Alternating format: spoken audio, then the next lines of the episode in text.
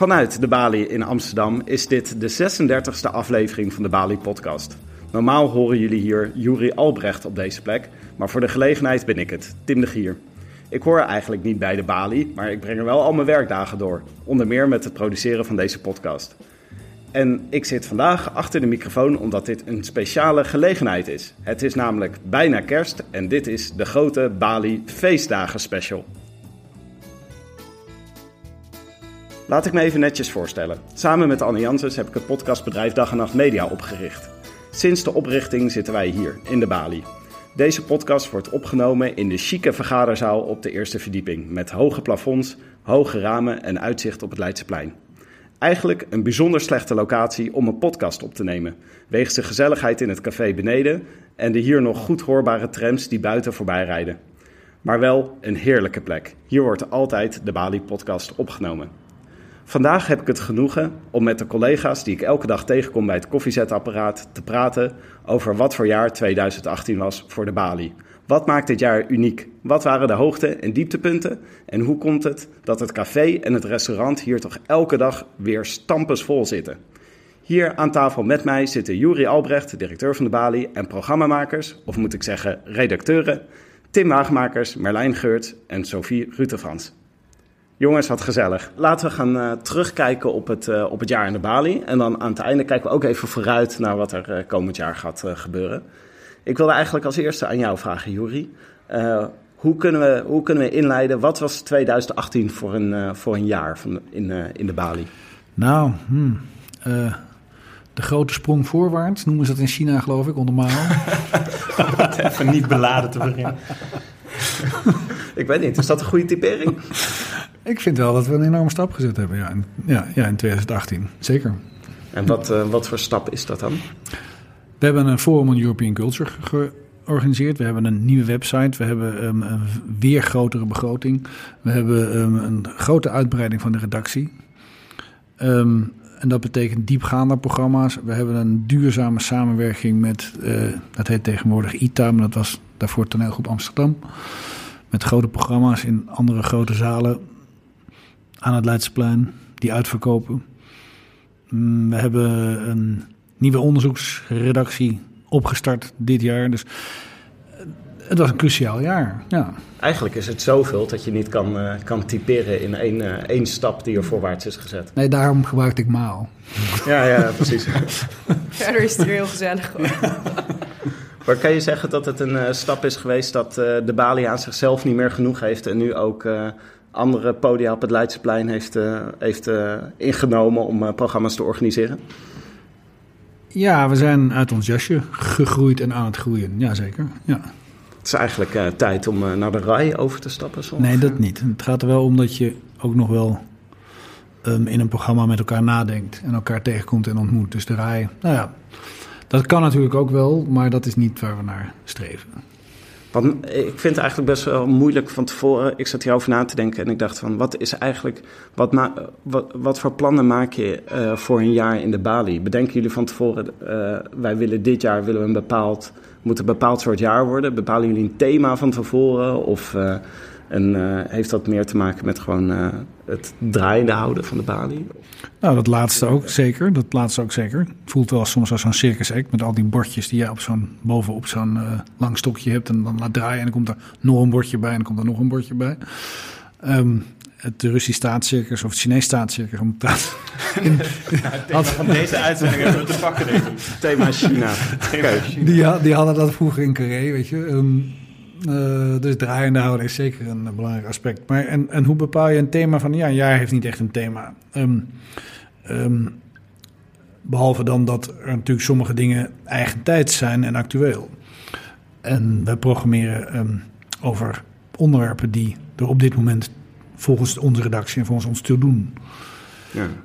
En bepalen jullie dat van tevoren? Gaan jullie een dagje naar de hei en uh, gaan jullie uh, dingen op een flip-over slide schrijven? Ja, een beetje. In deze kamer doen we dat ook met een flip-over soms. En soms gaan we, we gaan nu begin januari, weer eens een half jaar, gaan we um, um, naar Broek in Waterland of naar de toren aan de andere kant van het ei. Of, um, en dan praten we over het half jaar. En dat doen we ook iedere dinsdagochtend tussen 10 en 11. Marlijn, is er, uh, vond je dit een goede, goede typering voor het, uh, voor het jaar? Heb je nog een aanvulling daarop? Nou, het is wel, ik vind het wel echt spannend dat we steeds meer buiten de balie samenwerken. En dat je heel erg ook ziet in hoe je elkaar kan aanvullen als organisaties. En het is gewoon heel anders in de, in, als je in de Schouwburg zit, krijg je echt een andere sfeer dan in de balie. En dat is soms heel spannend en soms heel...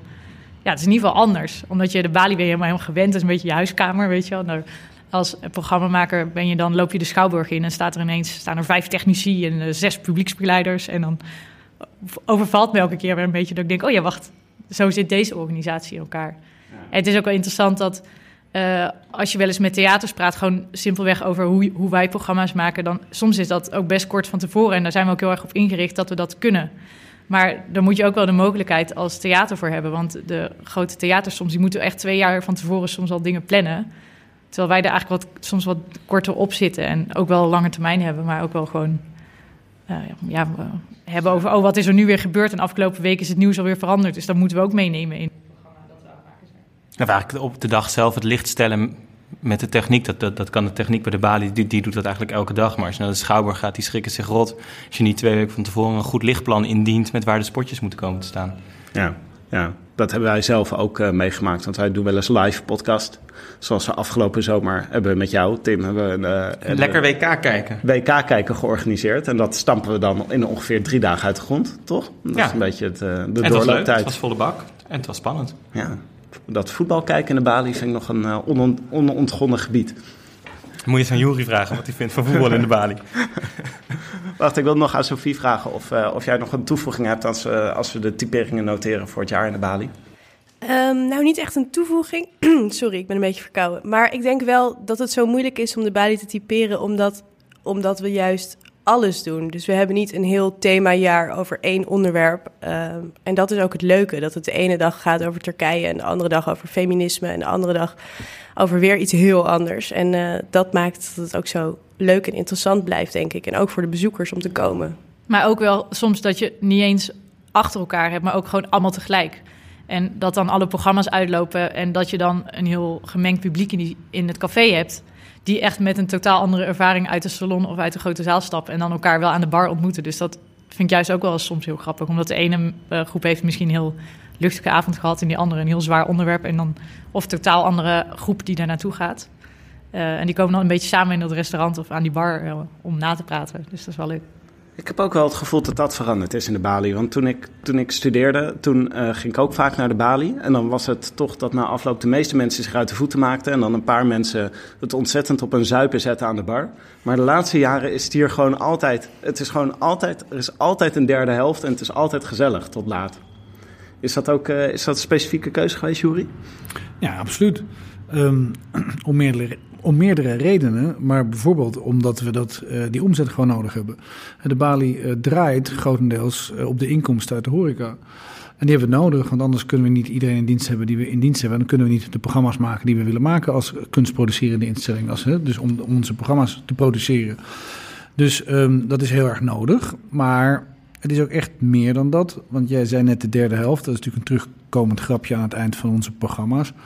Het ontmoeten van elkaar dat doe je in de zaal en het spreken met elkaar, maar dat doe je ook net zo hard aan de bar. En als je nou voor jezelf bedenkt, stel nou dat je op je achttiende naar een avond ging met een beroemde schrijver en je hoort die man praten of die vrouw praten, maar je spreekt hem daarna of je spreekt haar daarna nog aan de bar. Wat zou je dan 30 jaar later nog weten? Het gesprek aan de bar of datgene wat de schrijver zei in de zaal in de balie? Waarschijnlijk het is waarschijnlijker dat je nog weet wat je besproken hebt toen, toen je hem in het wild tegenkwam, dan die lezing. Dus het mogelijkheid om te praten met elkaar of andere mensen tegen te komen, of wat Merlijn net zegt, um, uit een andere zaal, uh, die een andere uh, uh, bevolkingsgroep is, of een andere interessegroep, of, dat is, of uit dezelfde zaal, of de spreker te spreken, of die andere gast uit de zaal te spreken die iets zei waarvan je dacht, wat zei die nou? En dat is heel erg belangrijk. Dat, dat is minstens zo belangrijk het ontmoeten hè, is minstens zo belangrijk als het luisteren naar het programma. Maar hoe hebben jullie dat dan voor elkaar gekregen? Want er is echt een uh, grote culturele verandering geweest wat dat betreft. Het is nu gewoon in, ineens altijd druk s'avonds. En altijd, er zijn altijd mensen die komen eten en er is altijd veel gezelligheid. Maar dat is lang niet altijd zo geweest. Nee, dat is waar. Ja, ja, ja, ja. Ik weet het niet precies. het is wel heel belangrijk en we hebben er wel erg veel tijd en aandacht aan besteed. Ja, plus we maken veel meer programma's, toch? Dan een paar keer. We maken veel, ik weet het wel een beetje, we maken veel meer programma's. We hebben heel erg goed gelet op de inrichting. We hebben een verbouwing gedaan met de architect die dat hier 25 jaar geleden gedaan heeft. Die hebben we gevraagd om de oude sfeer terug te krijgen zonder het terug te restaureren, maar het, het ontwerp weer helder te krijgen. We hebben ehm, iets aan de akoestiek gedaan. En niet alleen iets, we hebben ontzettend veel aan de akoestiek gedaan. We hebben iets aan de kunst gedaan die we ophangen en dat dat wisselt. Ehm, we hebben veel en veel meer programma's. En dat is de belangrijkste driver. En die programma's zijn drukker. En ehm, dat, ja, daardoor. ehm, en trouwens, we hebben de routing veranderd. Zodat je niet meer in één keer naar buiten loopt, maar ook gewoon door de horeca komt. Oh, dus je moet zeg maar net als bij een, eh, eh, eh, bij, bij een vliegveld, moet je eerst door de vliegtuigshop voordat je naar buiten mag. Dat Ik vond dat een ongelooflijk mooie kunstposter. Die in musea in Londen te koop was. Exit through the gift shop. Nee, maar dat is hier nu dus ook in de Ja, Bali. weet je wel. Ik vond dat, die heb ik onthouden, die slogan. Er was nog iets wat mij, wat me opviel. Als je, hier, als je hier werkt in de Bali, ik kwam eigenlijk pas na een, een jaar kwam ik erachter dat mensen vragen. eh, Soms kennen mensen de Bali wel eens niet. En dan probeer je het uit te leggen. En ik zei eigenlijk altijd, zei ik, de Bali, dat is een debatcentrum aan het Leidseplein. Nou, volgens mij klopt het allebei niet echt. Want het zit namelijk concreet niet aan het Leidseplein, maar aan het plein ernaast, het kleine Gardmanplantsoen. En debatcentrum, daar doe ik de Bali volgens mij ook tekort mee, toch, Juri? Ja, dat is zo, denk ik. Ja, we, hebben, we hebben heel weinig debatten. Sommige van die debatten vallen wel heel erg op. Dus die komen op het 8 uur journaal. En daar wordt dan lang over geschreven. Maar we doen eigenlijk bijna nooit debatten. Ik denk dat wij een artist-centered kunstproducerende instelling zijn. Die allerlei happenings organiseert. En sommige van die happenings hebben de vorm van een debat, dat klopt. Maar dat kan ik toch niet zeggen als iemand vraagt, waar werk je aan de Bali? Wat is dat dan? Een artist-centered... Nee, nee, dat kan niet daarom. Dus je mag het, op de radio noemen ze het vaak debat, dat vind ik ook best. Praatcafé heb ik ook wel eens gehoord. Ja, praathuis hoor ik ook wel eens. Praatcafé. Ja. Eh, eh, ik heb je volgens mij ook wel eens horen zeggen van... ehm, eh, vindt- eh, is het voor jou ook belangrijk dat de Bali toch ook een beetje het imago van achterafzaaltje blijft houden? Waar mensen, waar mensen eh, politieke debatten voeren? Ja, absoluut. Ja. Ja. Het is jammer dat er niet meer gerookt mag worden. Ik rook zelf niet, ik heb ook nooit gerookt. Maar ik vind het, het idee van een rokerig achterafzaaltje vind ik een erg goed idee. En ik vind ook, ehm, ik vind dat de culturele scene ook wel leidt aan een bepaalde geliktheid. Die ehm, erg ver doorgevoerd wordt vaak. En ik denk dat cultuur beter gedijt in een plek waar iets onverwachts kan gebeuren. En iets spontaans. En eh, iets met, ook wel iets met enorme inzet en aandacht.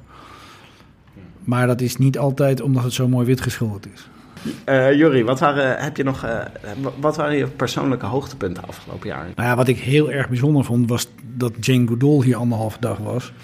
En dat is mijn jeugdidool. Ehm, ik denk dat ik eh, tussen mijn zesde en mijn zestiende ongeveer verliefd ben geweest op Jane Goodall. Dat het grote voorbeeld van de onderzoekster in Afrika... die en de wetenschap op de kop zet en daar met gevaar voor eigen leven apen beschermt. Ehm, dat zij hier anderhalve dag was, vond ik denk ik misschien wel het persoonlijke hoogtepunt van het jaar. Ja, absoluut. Had je, had je ook gelegenheid om in de derde helft met haar een biertje te drinken aan de bar? Ik heb zelfs samen met haar een foto genomen. En die foto die heb ik. Dus dat, ja. ja. Oh, die staat nu op je bureau. Ja. Wat voor programma hadden jullie gemaakt met haar? Een interview en eh, hadden een film over en door haar eh, eh, vertoond. En we hebben er, ik heb haar geïnterviewd in de grote zaal. Over ehm, eh, de toekomst van de planeet en het klimaat en natuurbescherming. Is dat, eh, denk je dan, eh, was dat jouw eigen initiatief om haar hier naartoe te halen? Was dat je, omdat je persoonlijke bewonderaar bent van haar? Mm, Ook. En ook eh, omdat een, redacteur die film op het spoor was. En dan hebben we samen gesproken. En toen hebben we ons uiterste best gedaan om haar ook hierheen te krijgen.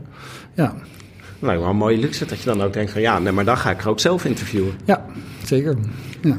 Zijn er ook, zijn er ook ja, ik Maar bovendien kan- is het belangrijk dat je dat redacteuren zelf interviewen, vooral ook als je echt werkelijk interesse erin hebt. Want dat maakt het programma beter. is er ook iets niet gelukt afgelopen jaar wat je wel graag had willen doen in de Bali? Wat misschien even verder op de agenda is geschoven. Ik zal er even over nadenken, maar dat, je krijgt zo een antwoord, maar daar moet ik even echt goed over nadenken. Komt niet meteen te boven. Hmm. Afgelopen jaar is ook al een jaar geweest waarin de Bali zelf af en toe het nieuws bereikt heeft. Ehm, er is, uh, je, kan, je kan zeggen dat er in uh, Nederland dit jaar veel kritiek is geweest op, uh, op, op verschillende instituten. Omdat er een soort strijd is uitgebroken over wie mag je eigenlijk op het podium zetten. Nou ja, dan zit er natuurlijk vooraan deze discussie zit een debatcentrum waar heel veel mensen op het podium verschijnen. Hoe heb je naar die discussie gekeken afgelopen jaar? Nou, die is misschien afgelopen jaar wat algemener geworden, maar daar hebben wij al jaren mee te maken. Want wij, wij produceren al jaren programma's waar uh, andere delen van de samenleving dan een mening over hebben. Dus kijk, in zekere zin is het voor ons natuurlijk ook makkelijker als wij niet kritiek zouden krijgen op degenen die hier dingen zeggen. Dan kan je ook afvragen hoe relevant het is wat wij programmeren. Dus, um, en het grappige is dat uh, we krijgen soms kritiek van links en soms van rechts over linkse of rechtse mensen die we hier aan het woord hebben gelaten. En daar zijn een aantal dingen heel opvallend aan, vind ik. Maar bijvoorbeeld de ene is dat linkse mensen het niet leuk vinden als rechtse mensen het podium krijgen. En rechtse mensen het niet leuk vinden als linkse mensen het podium krijgen. Maar ik vind dat dan altijd wat wonderlijk. Want dat wil je dan wel voor jezelf en jouw gelijken. Maar dat gun je de ander niet. En wonderlijk vind ik. En ook wel makkelijk te pareren. Want ja, als je het voor jezelf opeist, waarom gun je het een ander niet? En, en er is natuurlijk ook iets wonderlijks dat je denkt dat de directeur van de Bali, ik, of de redactie van de Bali, jullie of anderen, um, uh, zich vervolgens vereenzelvigen of achter het standpunt staan van de duizenden mensen per jaar die wij hier programmeren.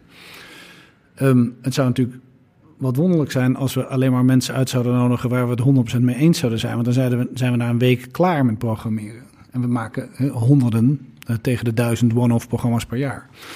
Dus, dus ja, ja daar, daar, is, daar is discussie over. Maar zo kijk ik ernaar. Ik denk dat ja, zolang we niet iedereen tevreden stellen, doen we ook iets goed.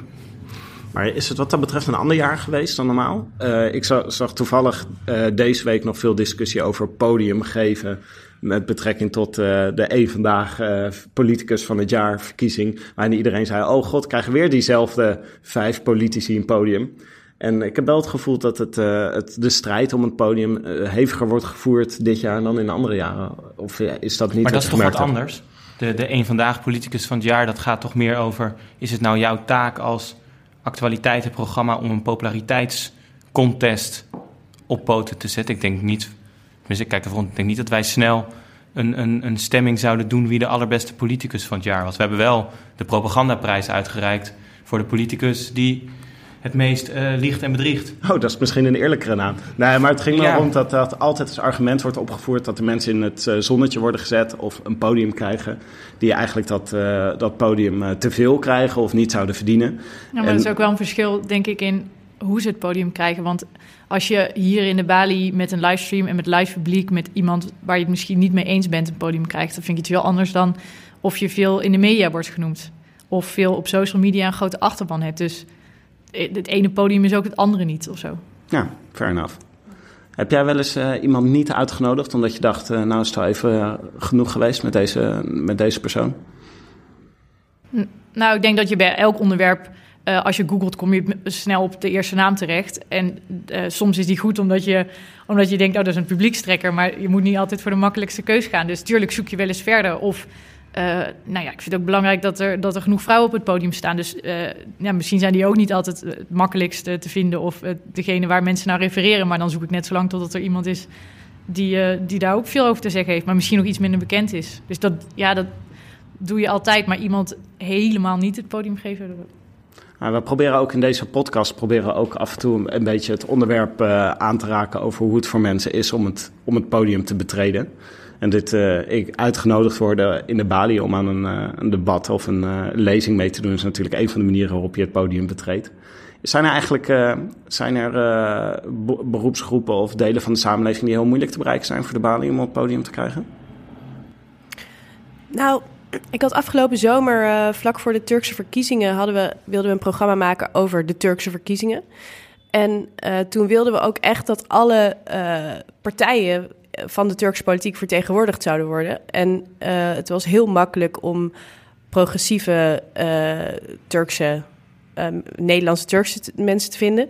En het was ongelooflijk moeilijk om Erdogan-aanhangers te vinden. Ehm, dus daar, dat was echt, dat kan ik me echt herinneren als een enorme strijd. En uiteindelijk. Te vinden of op het podium te krijgen? Beide. Om te vinden voor in het publiek, maar ook voor op het podium. Ehm, en uiteindelijk is dat deels wel gelukt.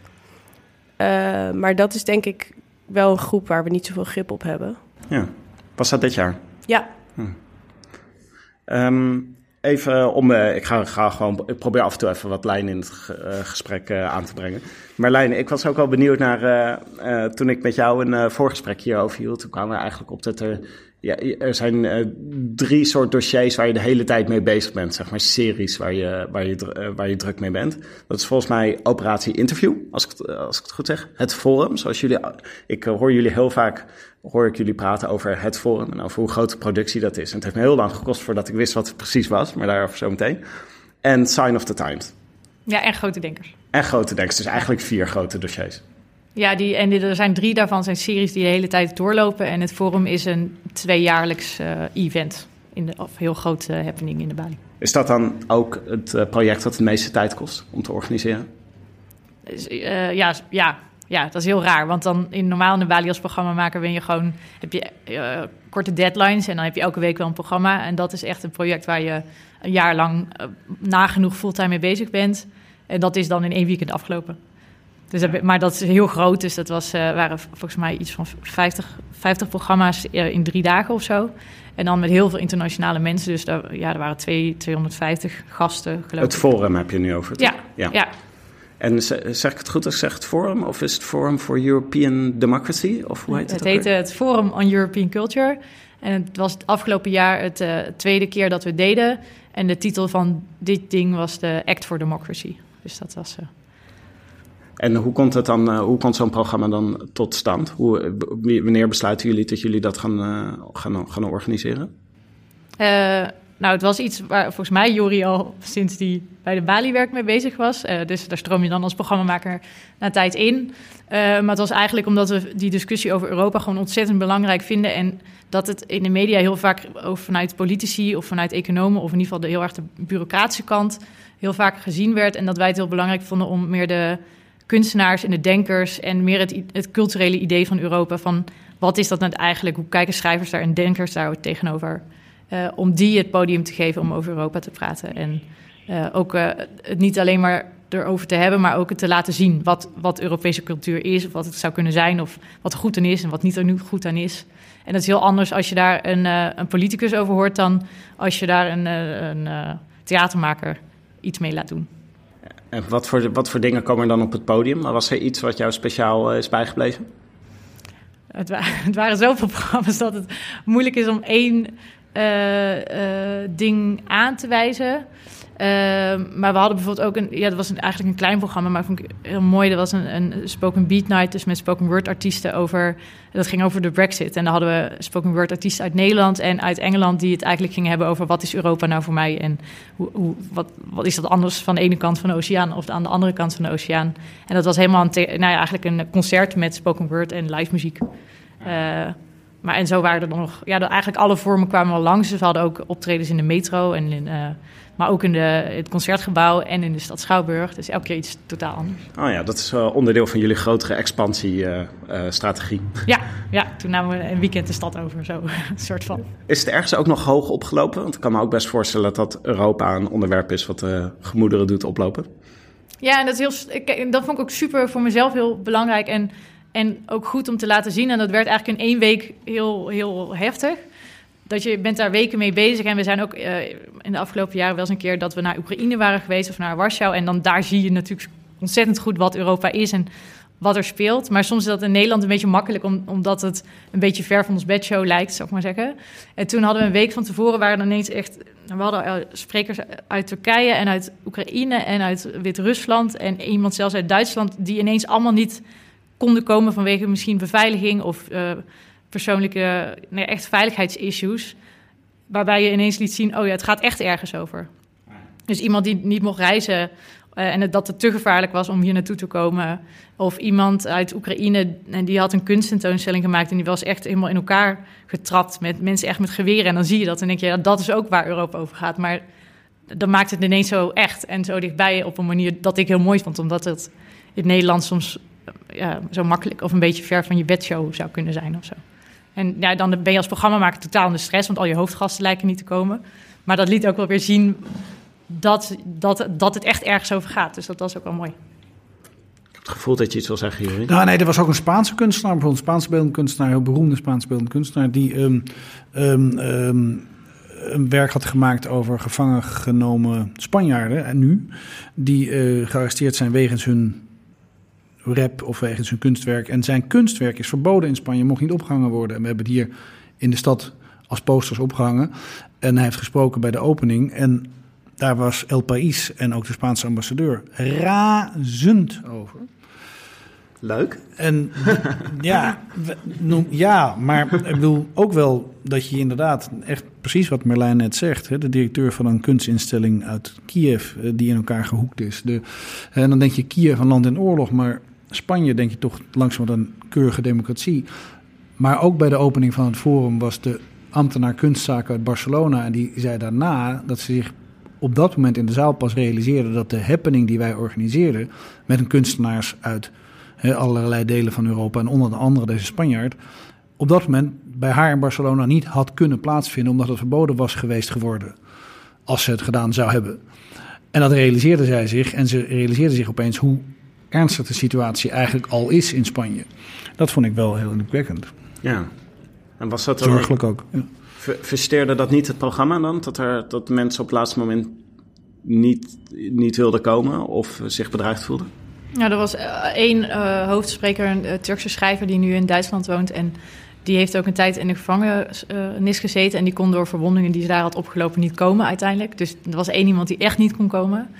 Uh, maar dat hebben we ook weer laten zien op het podium. Dus we hadden een speech van haar en een filmpje van haar. En uh, haar laten vervangen, maar op een manier dat haar verhaal weer verteld werd. Dus uiteindelijk is het, nou ja, dan verzin je daar wel weer een creatieve oplossing voor.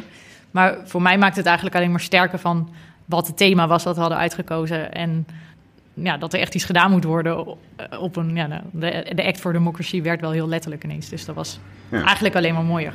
Ja, wat van tevoren een soort oproep was, werd later een constatering, omdat het nou eenmaal ja. nodig was. Een ander mooi, uh, mooi programma vind ik uh, uh, Operatie Interview, waarin jullie verschillende interviewers één gast laten interviewen. Zeg ik het zo goed? nee, eigenlijk ja. Het is één hoofdgast, en maar het zijn drie interviewers die niet bekend zijn. Dus de, degene die daar de hoofdgast is, die weet pas op het moment dat ze echt de hoek om komen lopen door wie hij of zij geïnterviewd wordt. En, oh, dat is wel kwetsbaar. Dan zit je daar op je, zit je, daar op je stoel en dan ineens komt Rut, Rutger Kastrikum het podium oplopen. Ja. Of uh, Sven Kokkelman. Het kan, het kan allemaal. Ja, en het verbaast me ook over van... Uh, nou, we hebben eigenlijk best wel grote namen die... Verbaas je dat ze ja zeggen? Nou ja, soms wel. dat ik denk, ja, het, het is een format die uh, best wel wat risico's met zich meebrengt. En we willen natuurlijk graag ook mensen waar er iets op het spel staat. Want ja, iedereen die, iemand die alles kan vertellen waar je alles al van weet dat is natuurlijk niet zo'n hele spannende hoofdgast. Dus dan zoek je wel vaak mensen op waarvan je denkt, nou, als die om het hoekje zou komen of als het daarover zou gaan, dat zou misschien wel spannend worden. Uh, dus ik vind het altijd wel weer cool dat ze meedoen. Ja. Wat, was een, uh, wat is een memorabele editie geweest? Uh, ja, nou ja de, de, allereerste hadden we Eberhard van der Laan. En toen kwam zijn vrouw om de hoek. Nou ja, dat, dat was het leukste interview, want die had echt geen idee dat ze kwam. En, uh, die, en het was ook leuk, want het was niet een interview over de boterhammen met kaas die ze iets samen, maar het ging echt over zijn politieke visie. Dus zij ging wel echt serieus een interviewer spelen en maakte natuurlijk grapjes tussendoor. Uh, maar ja, zij had de hele voorbereiding gelezen aan de keukentafel en hij had echt geen idee dat zij dat ging doen. Dus toen hadden we wel meteen de lat een beetje hoog gelegd om daar de eerste aflevering van te maken. Dus het allerleukste is als de interviewers onverwacht zijn. Of zoek je nog naar speciaal soort interviewers? Die, uh... Nee, je maakt altijd een mix. Want je wil natuurlijk ook gewoon iemand die echt het vak interviewen heel goed verstaat. Dus je maakt altijd een mix van mensen die een persoonlijke band hebben... of waarvan je denkt, nou, die kan heel verrassend om de hoek komen. Maar het is ook leuk om gewoon uh, goede interviewers aan het werk te zien... en ze moeten van tevoren ook vertellen wat hun doel van het interview is en hoe ze dat gaan aanpakken. Dus het is ook dat je een soort inkijkje krijgt in het hoofd van de journalist. Van, uh, en, en, en is het ook spannend als publiek van gaat hij het redden of uh, gaat u nu die ene move maken die hij van tevoren heeft aangekondigd. Dus het is meer een soort van wedstrijd waar je ook al een beetje met voorgeschiedenis naar kijkt. Ja. En ze hebben maar twaalf minuten en dat is heel kort. Dus. Ik kan me voorstellen dat de communicatie of de woordvoerders hier helemaal uh, gestrest van raken. Ja, dat denk, ja, dat of denk ik vertel je wel. het wel aan de communicatie? eh, eh, Nee, nee, nee. nee. Ze mogen niet weten. Ah, Nee. nee, want anders, ja, het is, anders dan weet je niet of ze toch iets gaan zeggen. Dus we zeggen, ze mogen altijd suggesties doen, maar wij bepalen wie het zijn. Kan je al iets zeggen over wel- wie er nog op het programma staan? Zijn er, eh, ja, we hebben net er weer nieuwe edities namen. Dus we hebben ehm, Erik Akerboom, de hoofd van de Nationale Politie. En Khadija Ariep en Femke Halsma en André van Duin. Zo, dat wordt een goed jaar. Ja. Eh, André van Duin laat je stiekem eh, Robert op de proppen komen. Wie weet. Goed koekje. ja. Wat, is eigenlijk, eh, wat, eh, wat zijn de criteria voor jullie om een presentator voor een programma te, uit te zoeken? Hebben jullie een, een, een vaste, staat er een Rolodex bij Jury op het bureau waar jullie allemaal even in kijken als jullie een programma organiseren? Nee, volgens mij niet, maar wel gewoon mensen waar we mee gewerkt hebben. Maar wel een soort ander type. Ik denk niet dat wij snel iemand hebben die technisch misschien wel een goede interviewer is, maar niet een soort beetje karakter of stijl meebrengt of zo. We Niet, wel- wel stel Dat we die meebrengt. niet snel nemen als hij dat niet heeft, zeg maar. Ah, het is, het ja. is geen... ehm, je mag wel... Er mag wel iets gebeuren in de zaal. Dus als je alleen je vragenlijstje afwerkt... dat- Er zijn een aantal interviewers die volgens mij heel goed zijn op televisie bijvoorbeeld... maar die dan in zo'n zaal best wel door het ijs zakken. Omdat ze geen regisseur in, hun oortje hebben die zegt eh, nu afbreken. Omdat ze geen eh, redactie van tien man achter zich hebben die zegt... eh, als hij dit zegt moet je dat zeggen. Maar je moet het wel een beetje op je eigen houtje kunnen rooien. Ja. De- dus in die zin moet je wel een beetje sterk in je schoenen staan. En ik denk dat we daar wel mensen op uitzoeken. En, en, en dan is, is er een groep, denk ik, van zeven of acht of zo... die wel regelmatig...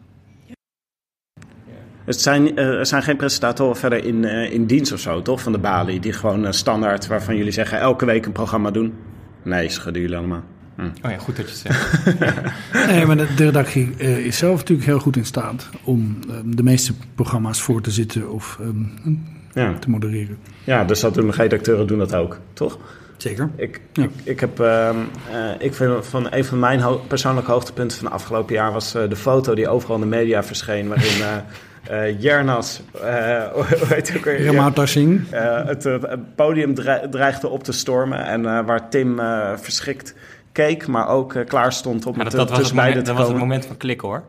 Wat was dat? Kan je me even de context geven van dit moment? Nou, wij hadden een... een, In de microfoon misschien? Wij hadden een, een ehm, fractievoorzittersdebat eh, in aanloop naar de gemeenteraadsverkiezingen. Het eh, afgelopen vier jaar heb best wel veel programma's over Amsterdam georganiseerd. En je hoort heel vaak mensen die zeggen, dat moeten we in Den Haag regelen.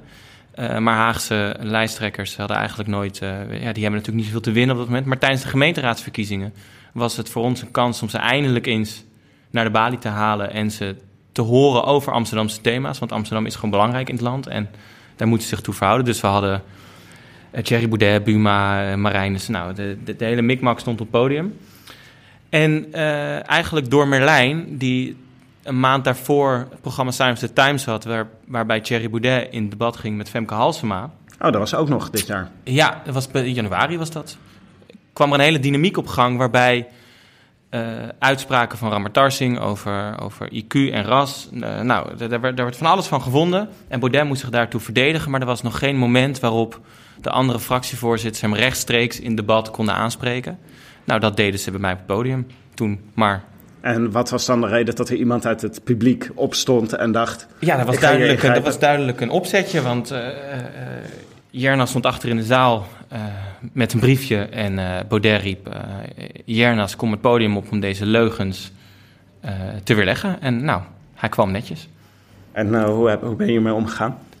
Nou ja, hij kwam het podium op en, en wilde per se het woord. En het, ging vrij snel, maar ik, weet dat het enige wat ik dacht was, ik moet hem niet... Hij is, ik bedoel, we hebben de spelregels van het debat. Daar is eh Jernas niet voor uitgenodigd. Dus eh, hij, maar hij gaat hier niet zijn show doen. En eh, ik denk dat, dat Thierry Baudet prima kan uitleggen wat hij vindt ervan. Dus dat mag hij dan zelf doen. Ehm, dus ik ben van achter mijn tafeltje zo een beetje richting Jernas geschurkt. En eh, dat was het moment van de foto. Legde mijn arm op zijn schouder en zei dat hij het niet ging doen. Hij bleef een beetje hangen en toen... in de Telegraaf stond de dag daarna... de beveiliger van de balie heeft hem van het podium verwijderd. waardoor het leek alsof wij een hele beveiligingsteam klaar hadden staan. Maar dat was gewoon Jury die hem eh, rustig van het podium begeleidde. Oh ja, oh, ja dat is, dat, jullie, jullie hebben En allemaal een beetje dubbelfuncties. Ja, we hebben dubbelfuncties, Ja, ja. ja, ik snap Ja. het. Maar het is, het is wel leuk, want ehm, wat het volgens mij ook wel laat zien... Of, de NOS had natuurlijk heel veel debatten, ook... Ehm, maar dat debat, dat hebben we samen met Parool gedaan, maar dat hebben we... eh, wij hebben de stellingen bedacht. Uh, wij hebben aan politici in de onderhandeling gezegd hoe we het wilden doen. Uh, we hebben hun niet vooraf stellingen laten opsturen of wat dan ook. Dus het was echt ons debat.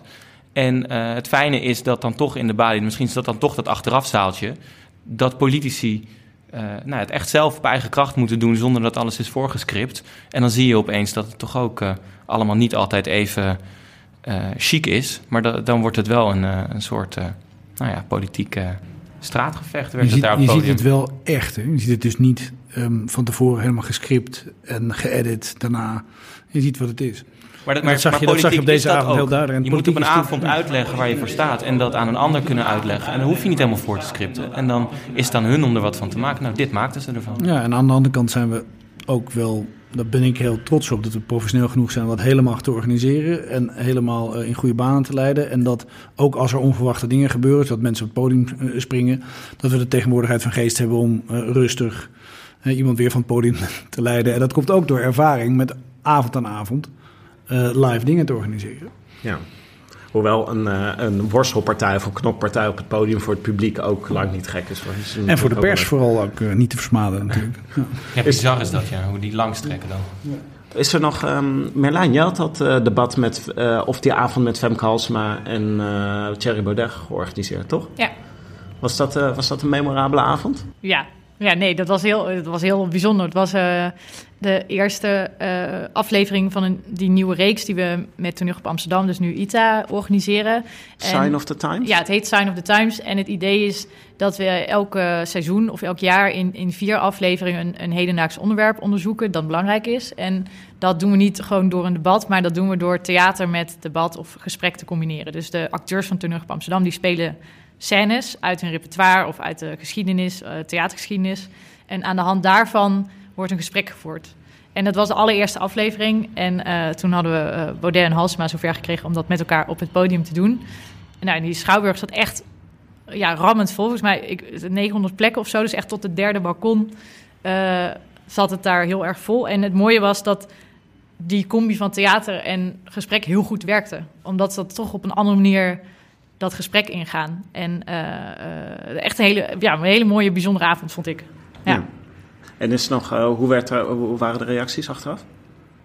Ja, de, goed, volgens mij positief. En er wordt natuurlijk altijd door, soms door media, op een heel klein stukje ingezoomd. Want het ging heel erg over een bepaalde uitspraken die eruit waren gehaald.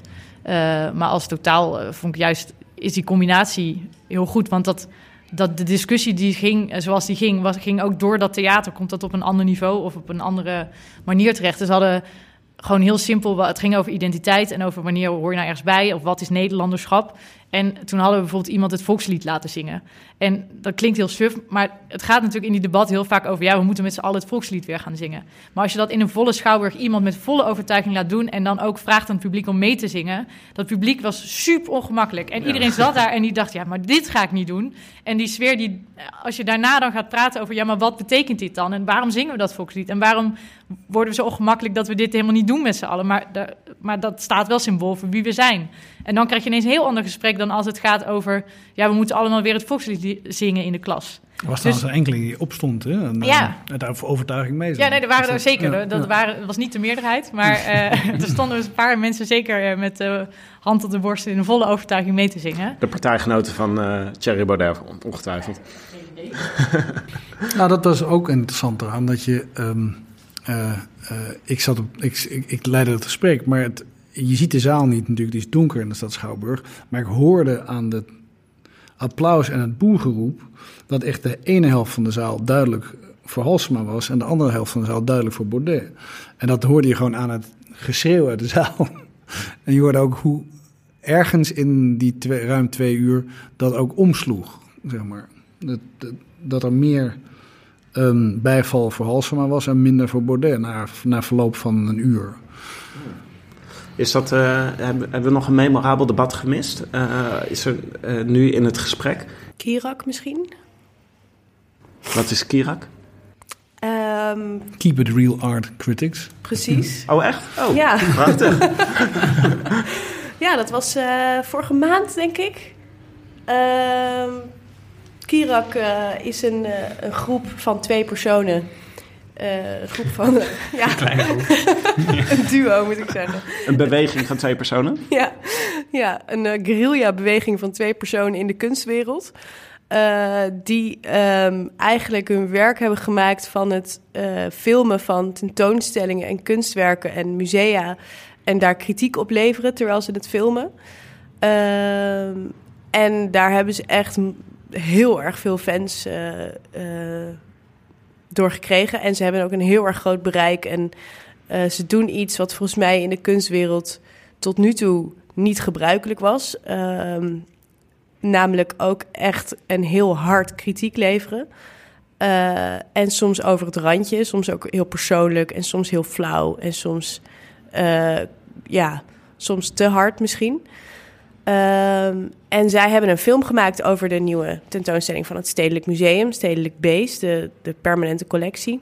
Uh, en die wilden ze graag ook vertonen in het Stedelijk Museum, maar dat wilde het Stedelijk Museum niet. Dus hebben ze die film bij ons vertoond. En hebben we daarna een gesprek gehad over kunst en kunstkritiek.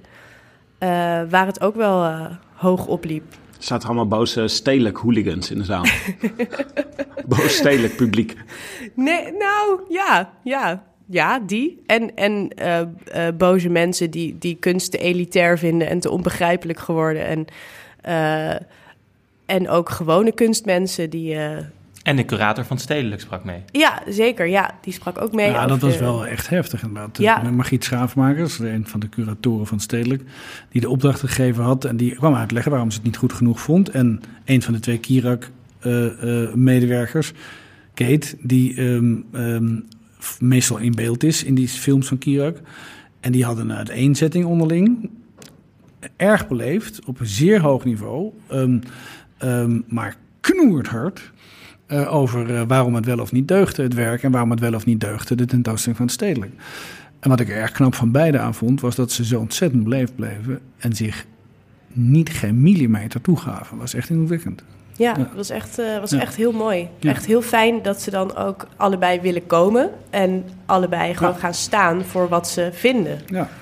Uh, en daar niet bang voor zijn. Klinkt wel als een perfect Bali-programma dit. Op het snijvlak van uh, kunst en politiek, maar dan ook nog een film die wordt uitgezonden. En was er ook een lange derde helft? Zeker, ja. Ja, absoluut. Ja. Het bleef nog lang onrustig. Ja. Alles in Sophie, uh, nu ik je toch spreek. de geruchten gaan dat jij zo'n programma of 150 hebt georganiseerd afgelopen ja. jaar. Dat valt volgens Acht mij... per dag? valt mee valt mee, maar wel heel veel verschillende programma's. Dus misschien is dat een beetje waar de mythe ontstaan is. Wat is, uh, wat is uh, uh, noem eens een programma waar je heel erg druk mee bent geweest afgelopen jaar? Ehm, nou, we hebben een programma gemaakt over, over de opstand in de Rif, in het Rifgebergte. Daar hebben we twee edities over gemaakt. En dat was heel bijzonder, omdat er best weinig aandacht wordt besteed aan de Berbers uh, in het Rifgebergte in Nederland. Terwijl toch een heel groot deel van de Marokkaanse Nederlanders een Berberse afkomst heeft. Dus het zou eigenlijk logisch zijn om daar wat meer op te focussen. Uh, want de Berbers in dat gebied worden best wel onderdrukt door de Marokkaanse koning en overheid. Ehm, en het was echt heel mooi om te zien dat met zo'n programma dat je dan ook de hele Berberse community naar de balie krijgt. Uh, en die ook echt best ontroerd zijn met wat fijn dat jullie ook aandacht besteden aan onze geschiedenis en aan onze strijd. En, uh, dus dat was heel bijzonder. Uh, we hebben ook samen met Lotte de Beer een programma gemaakt over racisme in de operawereld. Dat was echt ontzettend moeilijk, omdat operawereld bij uitstek een, uh, een wereld is die niet super erg van verandering houdt. Uh, die voeren opera's gewoon op zoals ze in 1700 bedacht zijn, zonder ook maar enige één noot of één woord te veranderen. Dus dat was echt een uitdaging. Uh, maar wel ontzettend goed om dat gesprek erover te openen. Um, ja, en twee maanden terug had ik een programma met Adrienne Kullen. En die is terminaal geworden door een medische fout. En dat was ook echt heel indrukwekkend om haar uh, op het podium te zien en hoe zij uh, haar verhaal gebruikt om iets te veranderen in de hiërarchische en soms stugge structuur in ziekenhuizen, waarbij het beter is als je een fout maakt om er vooral niks over te zeggen, want je leidinggevende zou daar wel eens wat van kunnen vinden. Dus eh, dek het maar even onder het tapijt en eh, ga maar gewoon verder met je bezigheden. Want eh, anders staat je baan misschien op het spel. Ehm, en ook natuurlijk met artsen die daar weer wat anders van vonden. Dus dat was ook een bijzondere avond. Het zijn wel heftige programma's die je nu noemt. Dat ja, zeker. Ja. Is dat je favoriete genre? nou, één per jaar zou misschien beter zijn voor mijn gezondheid. Maar het zijn wel, ja, het zijn wel de pareltjes van zo'n jaar. Maar beter voor mijn gezondheid, betekent dit ook wakker liggen voor jou als, uh, als uh, programmeur? Ja, soms wel. Uh, soms denk je, hoe krijg ik al die verschillende mensen bij elkaar überhaupt in één ruimte? Laat staan dat ze ook nog gezellig met elkaar een gesprek voeren. Ehm, en soms, uh, ja, soms, ja, dat is het een beetje. Hoe bepaal je hoe je een programma maakt? Zijn er ook dinsdagen waarop je naar je scherm zit te staan, naar een leeg Word-document en dan denkt hoe ga ik nu een programma verzinnen? Nou, dat had ik bij Kirak wel een beetje, ja. Ja, ik, uh, ik was wel... Uh, want ik, ik had er heel veel mensen voor benaderd om met Kirak in gesprek te gaan. En heel veel mensen durfden gewoon niet. Die zeiden, ja, nou ja, ik uh, vind dat gewoon... Ja, de, de kans dat zij iets geks doen... Of dat, of dat ze opeens onverwachts uit de hoek komen... is gewoon te groot. Uh, dus toen dacht ik wel, ja, oei, dan heb je wel een lastige ja. lastig programma om te maken. En uh, de, een paar keer tegenvallers gehad en toch weer doorgezet? Is dat hoe het uh, programma tot stand komt? Ja, zeker. Maar dat zal iedereen denk ik wel herkennen... dat je begint met je, met je A-keuzes en dat het soms anders loopt. Ja. Zijn er nog programma's niet van de grond gekomen? Nou, er komen, ja, weet je, er, komen, het, gebeurt natuurlijk af en toe best wel dat jij denkt: uh, dit programma, daar moet 200 man naartoe komen, want ik heb hier 30 uur in gezeten en uh, ik heb iedereen bij elkaar verzameld en het wordt fantastisch. En dan kijk je een week van tevoren en dan zitten er toch iets minder mensen. Of soms heb je een programma waarvan je denkt, uh, hartstikke mooi, echt goed gedaan. Maar ik had het niet verwacht en dan is het binnen een week uitverkocht, weet je. Dat is natuurlijk, kijk, het is wel dat je als programmamaker ook automatisch meekijkt um, naar kaartverkoop. Als jij op televisie een programma maakt, ja, de dag daarna zie je de kijkcijfers. En dan, um, uh, nou ja, dan hoop je dat het goed is. Maar in principe, in hoe je het maakt, heb je daar niet direct zicht op. Terwijl soms zie ik uh, dat ik denk, oei, over drie weken is het. Er zijn nu 60 kaarten verkocht. Ja, dan krijg je een beetje zo dat je de, elke dag in dat ticketsysteem... en dan om de vijf minuten refresh ik hem dan. En dan denk ik, ah, één erbij. Ja, zo. Nou, sommige zijn daar meer ja. op En sommige programma's kosten misschien meer tijd. Dus we hebben ook zo'n reeks dat we met uh, beeldend kunstenaar, Nederlands beeldend kunstenaars uh, een programma met hen samen maken. En dat is, ons, dat, is ontzettend leuk, maar dat kost altijd heel veel tijd. Want dan denkt die kunstenaar na drie weken: nee, ik wil toch zo doen. Of nee, ik moet die erbij hebben. dus dat, er zijn soms programma's die wel lukken, maar dat duurt dan soms een half jaar of een jaar voordat ze, we ze zover krijgen hebben om, om dat te gaan doen. Ja. Ja, ik snap het. Over, uh, over ver weg gesproken. Uh, 2019. ik wil nog aan jullie vragen of er... Uh, sorry, dat is het slechtste bruggetje denk ik ja. wat, uh, wat kon bedenken. Maar ja, ik denk, doe hem gewoon. um, ik wilde tot slot aan jullie vragen of er dingen zijn waar wij als publiek van de Bali... of als jullie persoonlijk naar uit mogen kijken in 2019. nou, ik ga vanaf 2019, nou, dat was eigenlijk waar Jori in het begin ook over had... gaan we in de Bali een onderzoeksredactie beginnen naar Amsterdamse onderwerpen. En um, het, eigenlijk heel kort is het idee dat uh, het is zoals, hè, zoals als je ons een soort als live magazine ziet, heb je ook een onderzoeksredactie. Nou, die gaan wij ook beginnen. En het belangrijkste wat we dan willen doen is nieuwe feiten boven tafel krijgen. Dingen die echt, echt spelen in de stad en waar echt nou ja, het algemeen belang in het geding is of waar de politiek iets aan kan doen. En als belangrijkste publicatiemoment heb je dan niet een stuk in een krant of een uh, reportage voor Nieuwsuur, maar een voorstelling in de Bali. Waarbij je met publiek en bronnen en hoofdrolspelers samenkomt en dat nieuws uh, eigenlijk uh, naar voren haalt en presenteert.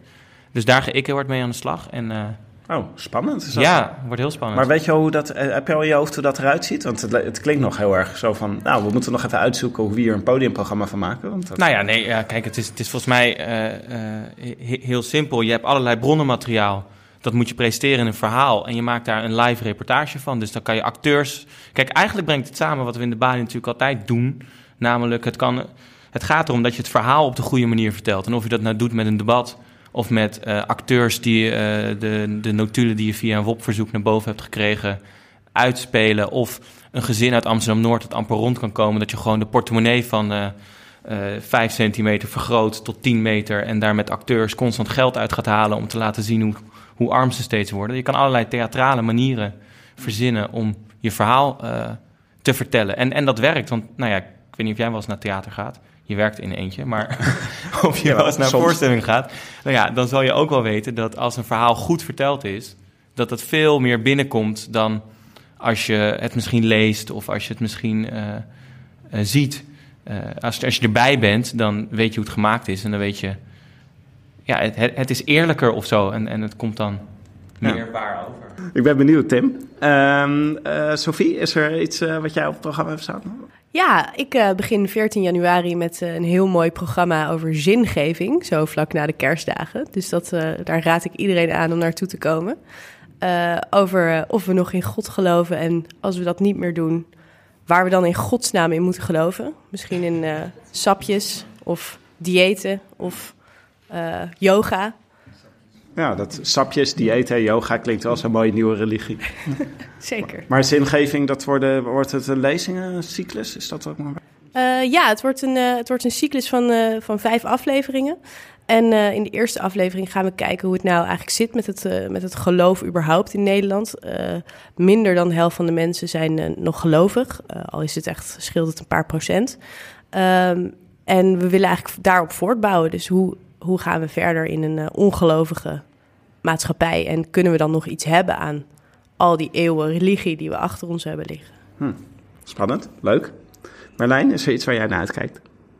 Nou, nou, Operatie Interview begint weer, dus daar kijk ik naar uit. En een aantal series lopen gewoon door, dus eh, ja, dan komen gewoon weer nieuwe afleveringen. Dat Ja, want, eh, want jij werkt misschien iets meer vanuit wat er al op de agenda staat, omdat we uh, Ja, het is elke keer weer nieuw. Dus, eh, en ook wel veel ja, internationale namen waar we mee bezig zijn. En een aantal van weten wel dat die gaan komen. En de Europese Ah, kan je verkiezingen alvast eentje, komen er kan je alvast eentje weggeven voor de luisteraars van de podcast die toch een, eh, een preferente positie hebben hier binnen, de, binnen het Bali-publiek?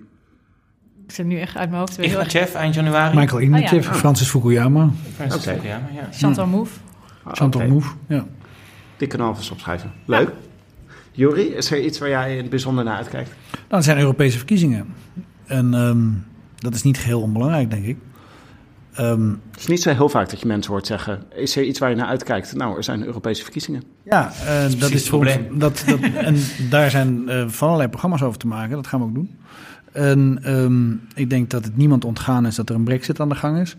En dat heeft ook weer van alles te maken met de Europese verkiezingen, denk ik. En met de toekomst van Europa. En ehm, het zou zomaar eens kunnen dat de samenstelling van het Europees Parlement, want dat zijn die verkiezingen, eh, geheel anders is dan iedereen denkt. Het zou ook bijvoorbeeld kunnen zijn dat de grootste fractie in het Europees Parlement de fractie van nationalisten wordt van Le Pen, Wilders en Orbán. Hoewel Orbán nu nog bij de Christen-Democraten zit. Maar ehm, dus het, het zijn denk ik voor het eerst ehm, eh, eh, in de geschiedenis van de verkiezingen van de Europese Unie... verkiezingen die er daadwerkelijk echt toe doen. En daar gaan we programma's over maken. En, dat, en, maar, en aan de andere kant ehm, gasten zoals ehm eh, Ignatieff, waar we altijd mee bezig zijn... en die ook vaker geweest is. Daar kijk ik ook naar uit. Maar het forum komt, als het komt, over twee jaar weer. Ja. Zo ja, werkt het ja, toch? het is de eens, in de twee jaar. Ah, eens ja, in twee jaar. Ik ben je nog een dieptepunt verschuldigd, geloof ik. Hè? Dat ik beloofd. En heb je. Nou, het dieptepunt is wel het, eh, wat mij betreft, eigenlijk de onwil van de Nederlandse overheid, politie en OM om een aantal van onze gasten te bewaken en te beschermen. En we hadden een imam uit Berlijn, een mevrouw die een moskee heeft opgezet waar mannen en vrouwen op dezelfde wijze behandeld worden, Seiran Atis. En die mocht met haar bewapende escorte van Duitse politie niet binnenreizen. En we hadden een mevrouw uit Parijs, een Parijse intellectuele Zainab El Razoui van Marokkaanse afkomst, die niet bewaakt en beveiligd werd. Mevrouw is de enige overlevende van Charlie Hebdo. Mevrouw heeft een kindje van één en komt hier onbewaakt eh, naartoe, terwijl ze in Parijs de meest bewaakte persoon van het land is. En dat vond ik toch een ongelooflijk dieptepunt. Ik vond het persoonlijk dieptepunt. Het greep me enorm aan. Ik ben er ongelooflijk boos over geweest. Ik vind het ook echt een dieptepunt dat de overheid niet bereid is om de mensen die hier werken, het publiek wat hier komt, maar ook vooral de sprekers de mogelijkheid te geven om te zeggen wat ze willen zeggen. En het feit dat deze mevrouw El Razoui toch hierheen kwam reizen zonder dat ze bewaking had. Ze wist dat haar Franse escorte, en ik heb ze gezien, de escorte in Parijs, met kogelvrije vesten, zeven man met getrokken pistolen, dat ze toch kwam. Dat vond ik wel zo bewonderenswaardig en zo indrukwekkend. Maar dieptepunt vond ik wel de opstelling van de burgemeester van Amsterdam, die zich ongelooflijk kwaad maakte over het feit dat wij ons kwaad maakten dat zij niet beveiligd werd. Was Josias toen toch? Dat was Josias van Aartsen. Ja, dat was het dieptepunt van het jaar. Vind ik een ijzersterk dieptepunt. Eh, Oké, dit was het. De Bali Feestdagen Special. Heb allemaal een goede kerst en een gelukkig nieuwjaar. En vergeet tussendoor niet naar andere afleveringen van de Bali podcast te luisteren. Die kan je natuurlijk vinden op debali.nl. Geheel vernieuwde website sinds kort. En subscribe. Subscribe, dat is heel belangrijk. In, eh in Dat zeg je in het. Engels toch altijd? Nou ja, of gewoon neem een abonnement op de podcast. Dat kan in je favoriete podcast app. Je kan natuurlijk ook de podcast vinden op dagenacht.nl, waar je nog veel meer prachtige podcasts voorbij het haardvuur kan vinden. En eh, bedankt, Juri, Sophie, Tim en Marlijn. En eh, tot volgend jaar. bij Bedankt, Tim. Programma's. Bedankt. Dankjewel.